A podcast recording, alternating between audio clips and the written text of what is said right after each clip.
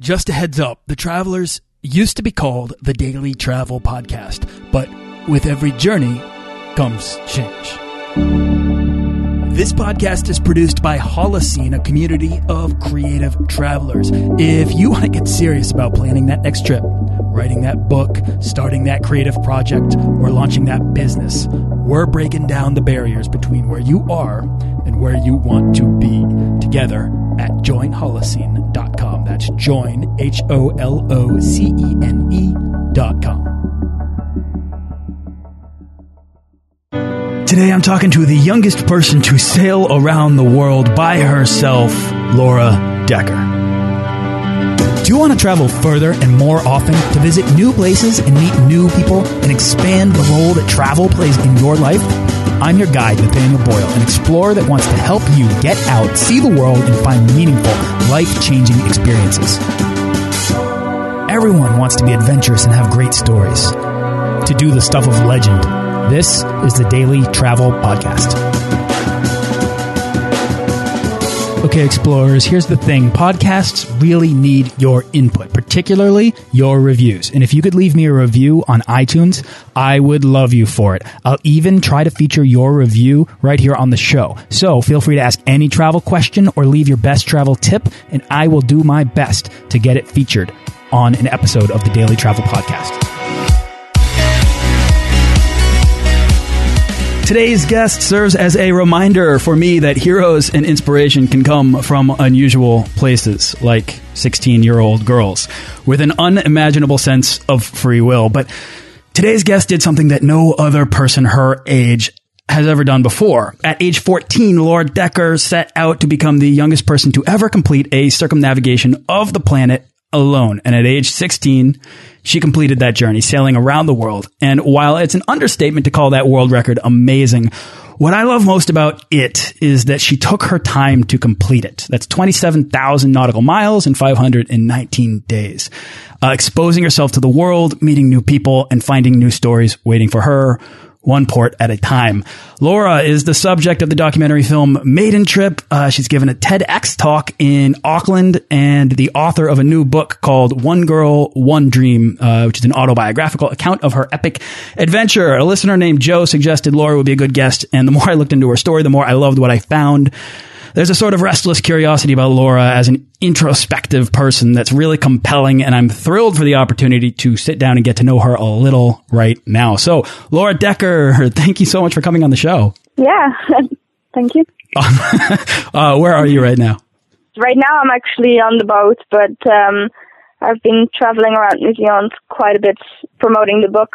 Yeah, awesome. So, how's that going? Is that going? Is that keeping you really busy? Yeah, it's keeping me busy now. It, it just got published last week, so it's all new and exciting. Wow, congratulations. Thank you. so I shared a little bit about you, but I want you to introduce yourself. Tell us, you know, where you're from and how you got started traveling. Well, um, I was born in New Zealand, and while my parents were traveling around the world on a boat, so um, I I grew up sailing with them everywhere, really. and then just kept doing it myself. So it was almost inherent in your person that motion or travel and finding these new experiences that was like a what a normality for you as a young kid. Yeah, yeah, it was.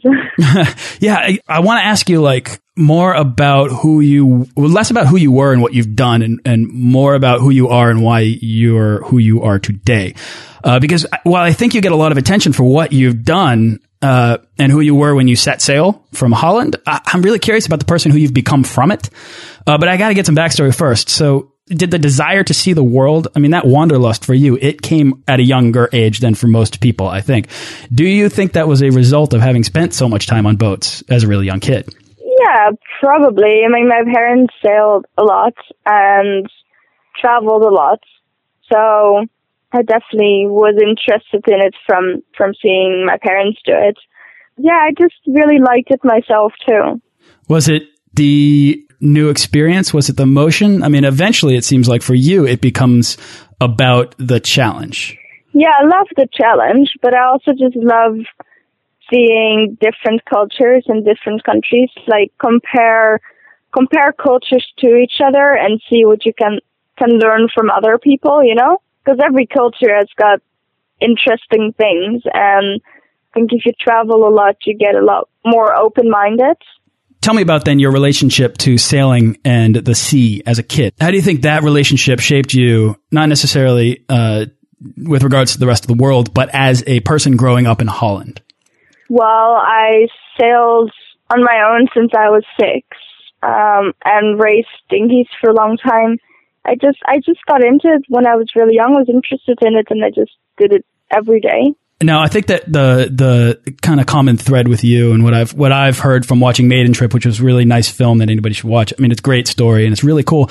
Uh, is that you have a a sense of independence about you and a, uh, a desire to experience the world on your own and, um, and to challenge yourself, right? But at what point? As a young kid sailing, did it become something that was not about racing, but more about like ex exploring or just freedom? I always had that. I since I was young, I always knew that I wanted to go and explore the world since I was like eight, and and I just worked towards being able to achieve that. And while doing that, I raced a lot and sailed a lot. So yeah, from that day on, I just kind of worked worked towards being able to travel. I think a lot of people have this idea of, I mean, to me, spending time on a boat and going around the world that is almost it's it's more of a dream. It's less realistic for me. However for you at a young age you got this idea in your head and you never gave it up. Whereas i think a lot of people let these things go. Why do you think you held on tightly to it and actually went and did it at an age when i think most people don't even conceive of the opportunity yeah, it's a good question. Um, I was just very determined. I knew that that's what I wanted to do, and that's what I was going to do. There was just no other option. I mean, you fought pretty hard to get out of your country. Is I've I've only seen the film, and the film made it out to seem like it was this almost like a nightmare, like a year spent fighting eight court cases in order to actually set sail. Was that is that like an accurate portrayal? Yeah, no, definitely. It was. That sounds it was definitely a miserable. nightmare. Yeah. Yeah. Okay. So then what did it feel like on that first day when you actually got out there? Did you feel like, was it a victory or? Yes, it was a victory, but they were still, you know, the only thing that had happened is that they gave the responsibility back to my parents and allowed me. It's not that they actually were happy with me leaving and so they kept kind of writing my parents and my lawyer. So it never, never really felt like a complete victory unless I would complete it or or be 18 because then then they wouldn't have anything to say about me. But yeah it was of course it was great leaving but it would have been nicer if the country was standing behind me. Was there a moment then on the trip in which you felt like you had actually achieved some degree of, of, of freedom or independence away from that world? Yes i guess so. Well while being on the trip it kind of changed from from being a dream or like achieving this thing that I always wanted to do to just living, you know, like just traveling and exploring rather than having to to finish something. Uh, if you were to leave from Holland, I think what you sailed to the Canary Islands and then across the Atlantic from there. Was it was the crossing of the Atlantic the first great challenge, or well, the whole thing is a challenge. It's like every oh. every trip is is a challenge on its own, but of course the Atlantic was a bigger crossing than the ones before, so it's a little bit more of a challenge, but yeah, there's, I just see every little trip as a challenge on its own. I mean, the first challenge for you was when you were 13, you effectively sailed unannounced from Holland to England, right across the English Channel. And most people would call that running away, but having been sailing independently for so long, that just seemed like it was for you the next logical challenge to give yourself at the time. Yeah, totally. Did that give you the confidence to say, all right, I can actually go, if I can get this far, there's nothing stopping me from going around the world? Mm, yeah, I guess not the confidence, but that was the moment that I decided that there was nothing else to stop me. You know, that I'd learned enough and, and that I was ready to go, that I'd prepared everything. Um, so that that was definitely the moment. I don't know if it gave the confidence because you know I never knew if I was going to make it, but I just wanted to know. I wanted to set out. What do you say now to people who, or even then, what did you say at the time to people who, uh, because to to have the desire to go and the, and maybe not the confidence, but the like the knowledge that you could do it, at age 13, I think you probably had a lot of people had a hard time taking you serious. Um, how are you able to, to ignore their definitions of you being too young for something like that? Well, because they didn't know me. and I did, and my parents did. My parents agreed with it. They they knew how how well I could sail. They knew what how hard I had worked for it and what I'd all done. And all these people that said I was completely insane and I couldn't do it, they didn't know me. They didn't know what I'd done for it. It's just they heard that some kid wanted to sail around the world and they say, "Oh, that's completely insane. She must not be able to do that because she is 13."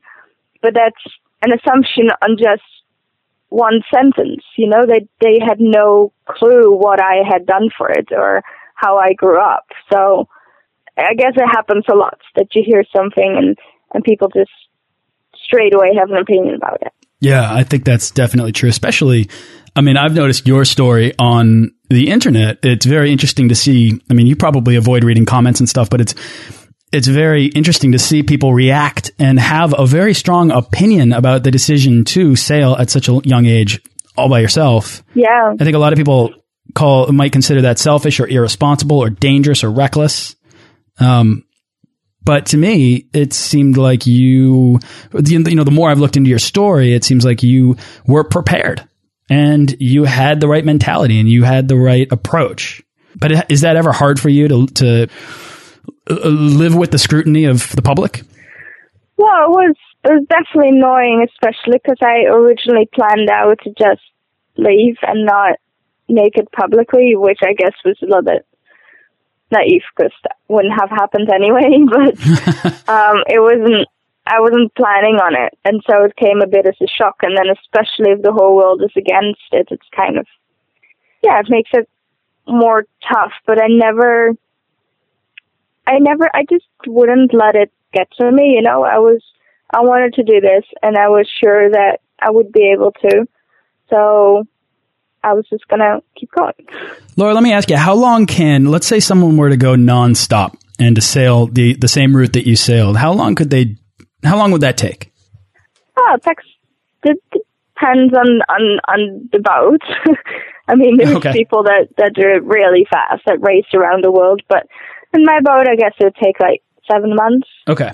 And you instead ended up taking two years, right?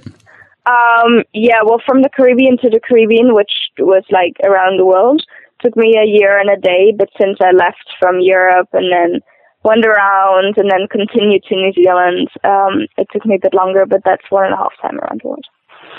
Okay, and I, lo I, love that. Uh, it's just one, just one and a half. Uh, what I, what I really like about this and what I'm trying to draw out is that the you set you set a world record, which is really cool. But what, what's really interesting is that you could have set it faster, but that wasn't necessarily. I think it's obvious that wasn't your goal because you took your time to complete it.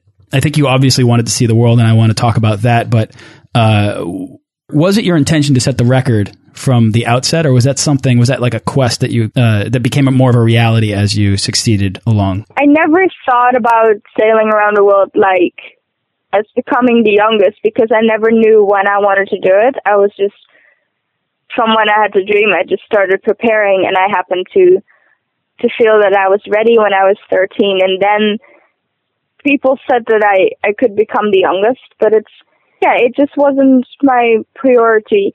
Um, while on the trip, though, I thought, well, I mean, it's a cool thing. So, um, there are a couple, like, I wanted to stop in New Zealand on the way as well, and some more places that I didn't the first time I went around, just because it would take another year because of seasons. And so I still took, took my time and then finished and just went again. Just out of curiosity, then, what are the biggest differences between coming and going on boat when it comes to arriving in a, in a country on a small boat? I mean, so I'm just wondering, is is that is that kind of a funny thing, or what are the differences between what are the differences for you as a sailor coming yeah, into countries and not? Well, since it's since you're on a boat, it's quite a high risk for countries. Like they see it as a high risk. And so when you get somewhere, you have to go through the whole customs thing, and they come and check out the whole boat. Um, and it is, yes, it is a funny thing because it's a boat and and you go with the wind. So it can you can arrive this week, but you can arrive next week. You know, you don't you can't tell them exactly, and customs don't like. They preferably want to know the exact hour and the exact minutes that you arrive and where and how. And um, with a sailboat, that's not really possible. So yeah, sometimes that gets kind of funny. Were you ever turned away because of what you had on your boat? No. Never had that problem. No. What was the hardest country to get into, or is it never? Oh, is it never that difficult? Um, Australia and New Zealand aren't easy. Um, they really check out the whole boat and take fresh food, but most places are not too bad.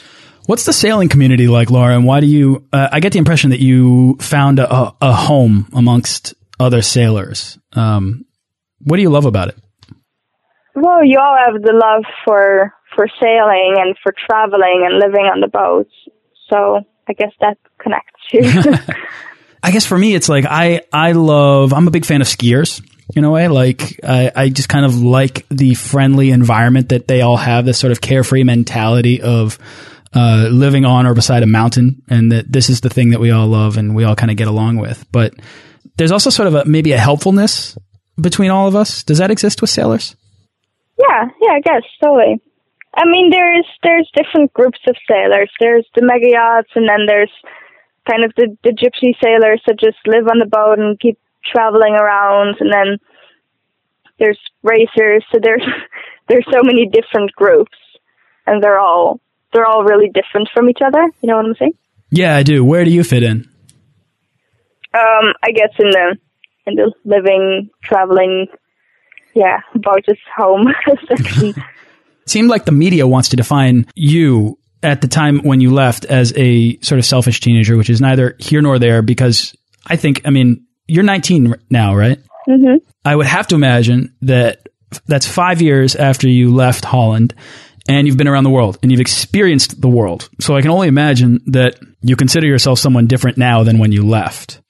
Um, and I'm wondering what the person that you were when you, you were living in Holland before you'd left, what she might think of you today.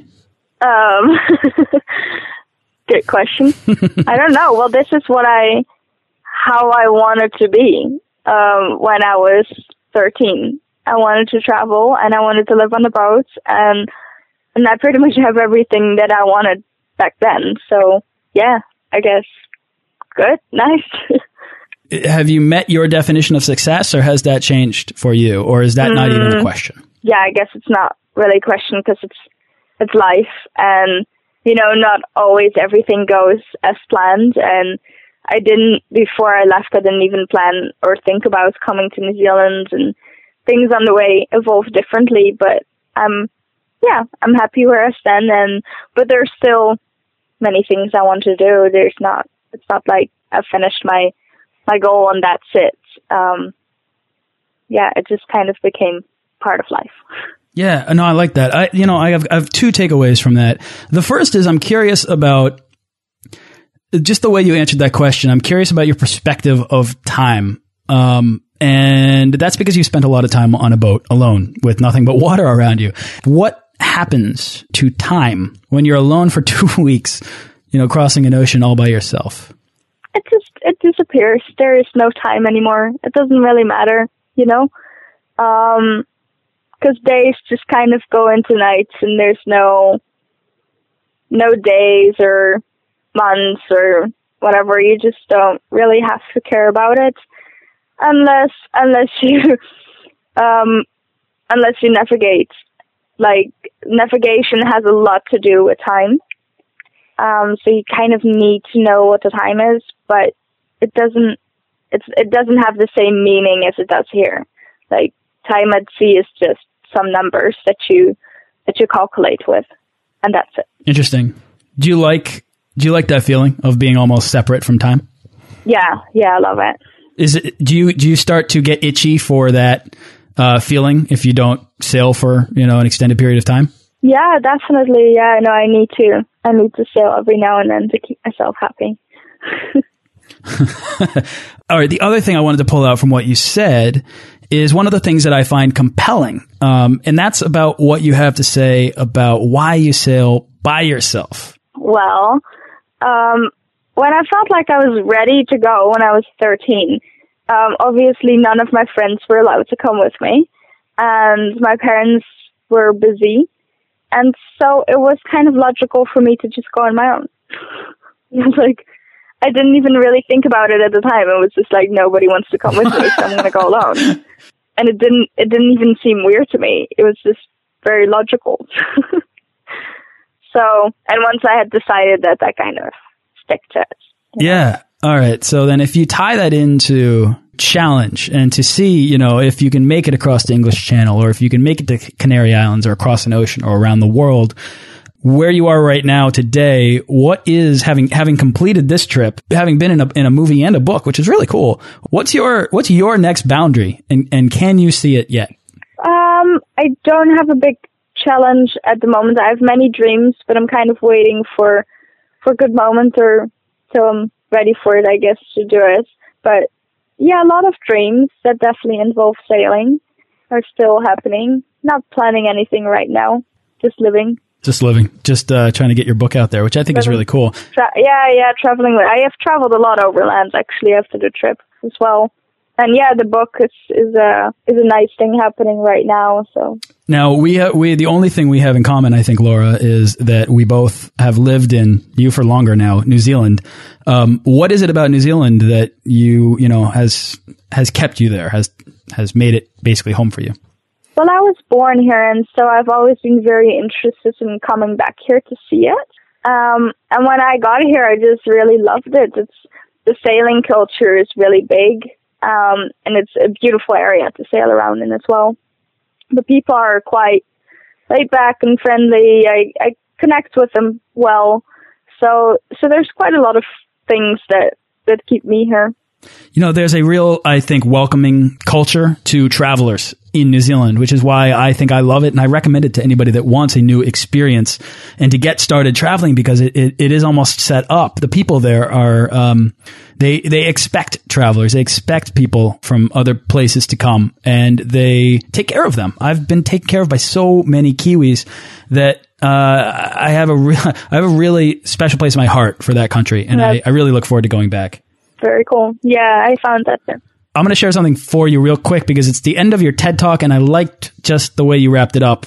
And you said, and I'll let you riff on it if you want, but you said if you have a dream, and I know that every single one of you has a dream, even though you might not realize it, there's something that you really, really, really want. Go for it. It will be hard. I had to fight a long way, but the harder it is, the more rewarding it is to fulfill your dreams. And I, I, love that. I love that, Laura. So let me let me just ask you real quick. What is your next dream? well, I kind of I kind of made the mistake last time to make my dreams really publicly, and it just went insane. So I'm kind of keeping them for myself at the moment um, until I'm going to set out to do it. But they definitely involve sailing.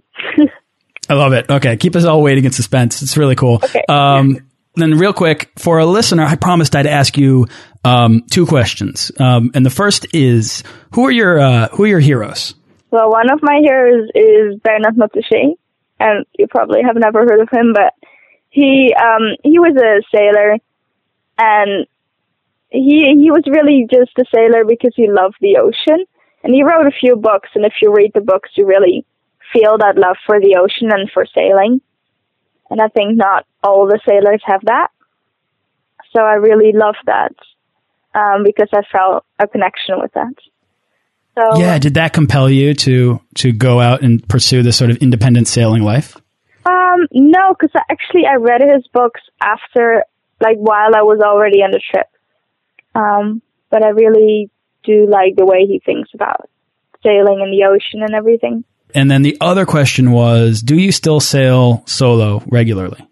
No, not really. Um, every now and then, but I generally sail with people now, just just to show them to take them with me. There's so many people that want to sail. I feel kind of bad if I go out on my own, you know, because I could take all these people with me that really want to go out there and see it. Totally, I'm on that list. So generally, I just yeah, yeah. uh, so is that like? Do you find people to help you crew? Yeah, yeah, just friends and other people, whoever wants to come out with me, if I'm planning to go out, comes with me. Sounds good. I'm looking you up next time I'm in New Zealand because that would be a lot of fun. Yes. For sure.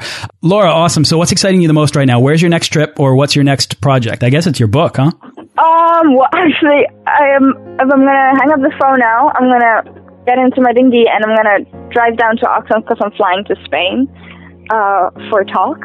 Oh, wow. Um, so, yeah, that's that's what's happening right now. But I will be back soon and enjoying the summer here. That's exciting. Have you been to Spain?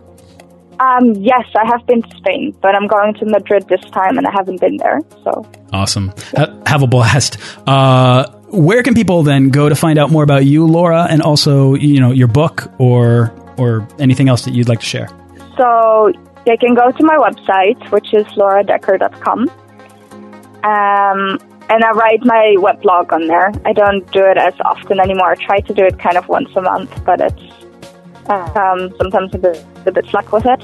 And the book, it's called One Girl, One Dream, and I think what I'm not sure about where in America because it just is in New Zealand right now, but I'm sure there are ways to um, to buy it. I'll tell you what. I'll do the research on that, and then I'll okay. link to it in the in the show notes of this uh, of this podcast. Um, and yes, and people can get hooked up with it. I can't wait to check it out. I dig your story, Laura. I think I love what you're about. I love the message that you have. Um, and uh, and you know what I really appreciate about it is almost the, the simplicity of it all. Is, is, the way you tell it. Throughout this interview, I feel like I've been throwing at you some like abstract philosophical questions. Your answers are very kind of. Um, uh, they're very normal about such a big thing that you've done. You're just like, oh, you know, I did it. I like sailing. What, what, like, what do you want from me? I love that. I love the way you talk kind of commonplace about it, and so I really respect that. And uh, I just wanted to thank you for, you know, taking your time to come on the show and share not only your story but your perspective as well. Cool, great, thank you. Thanks for listening to this episode of the Daily Travel Podcast. For show notes and links to everything in this episode and more, head on over to dailytravelpodcast.com. Join our Facebook page of explorers and subscribe to our newsletter for the best deals and resources to help make your next trip life changing.